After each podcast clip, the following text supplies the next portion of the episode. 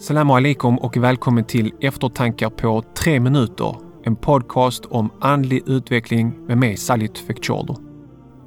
Från att vi vaknar tills att vi går och lägger oss förser vi våra kroppar med näring och energi. Dagen börjar redan med en näringsrik frukost. Klockan 12 är det dags för lunch och efter en tröttsam och lång dag på jobbet eller i skolan är det dags för middag, oftast hemma. Och innan vi lägger oss är det kvällsmat för många av oss. Och mellan dessa stora måltider är det massor av småätanden och fika och allt annat för att hålla igång kroppen. Men på samma sätt som kroppen behöver sin näring behöver själen också sin näring.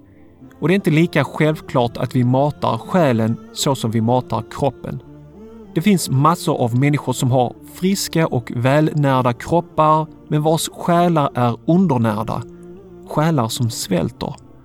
Ja, det har till och med gått så långt för vissa att deras själar är döda på grund av den svåra undernäringen. Men det är inte ett förlorat lopp. Du kan ge ny näring åt själen och återuppliva den på nytt. Med denna podcast vill jag ge nytt liv åt din själ. Under tre korta minuter får din själ smaka på en andlig energiboost.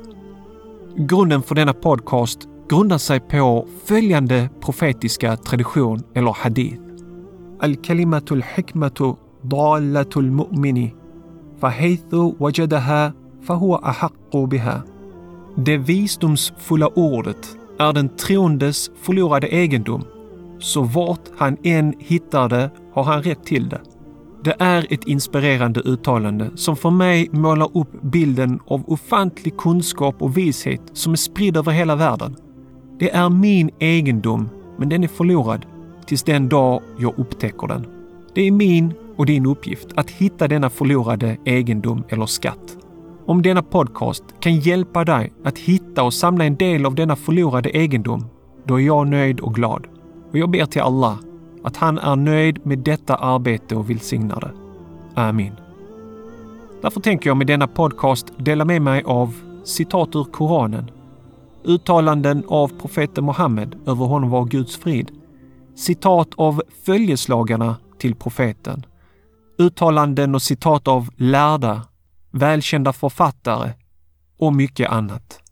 Allt för att ge näring åt din själ, stärka den och ge den ett nytt och friskare liv. Jag tror vi alla är i behov av detta.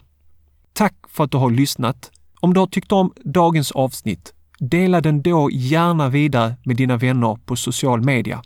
För mer matnyttig kunskap för själen, var god och besök eftertankar.se.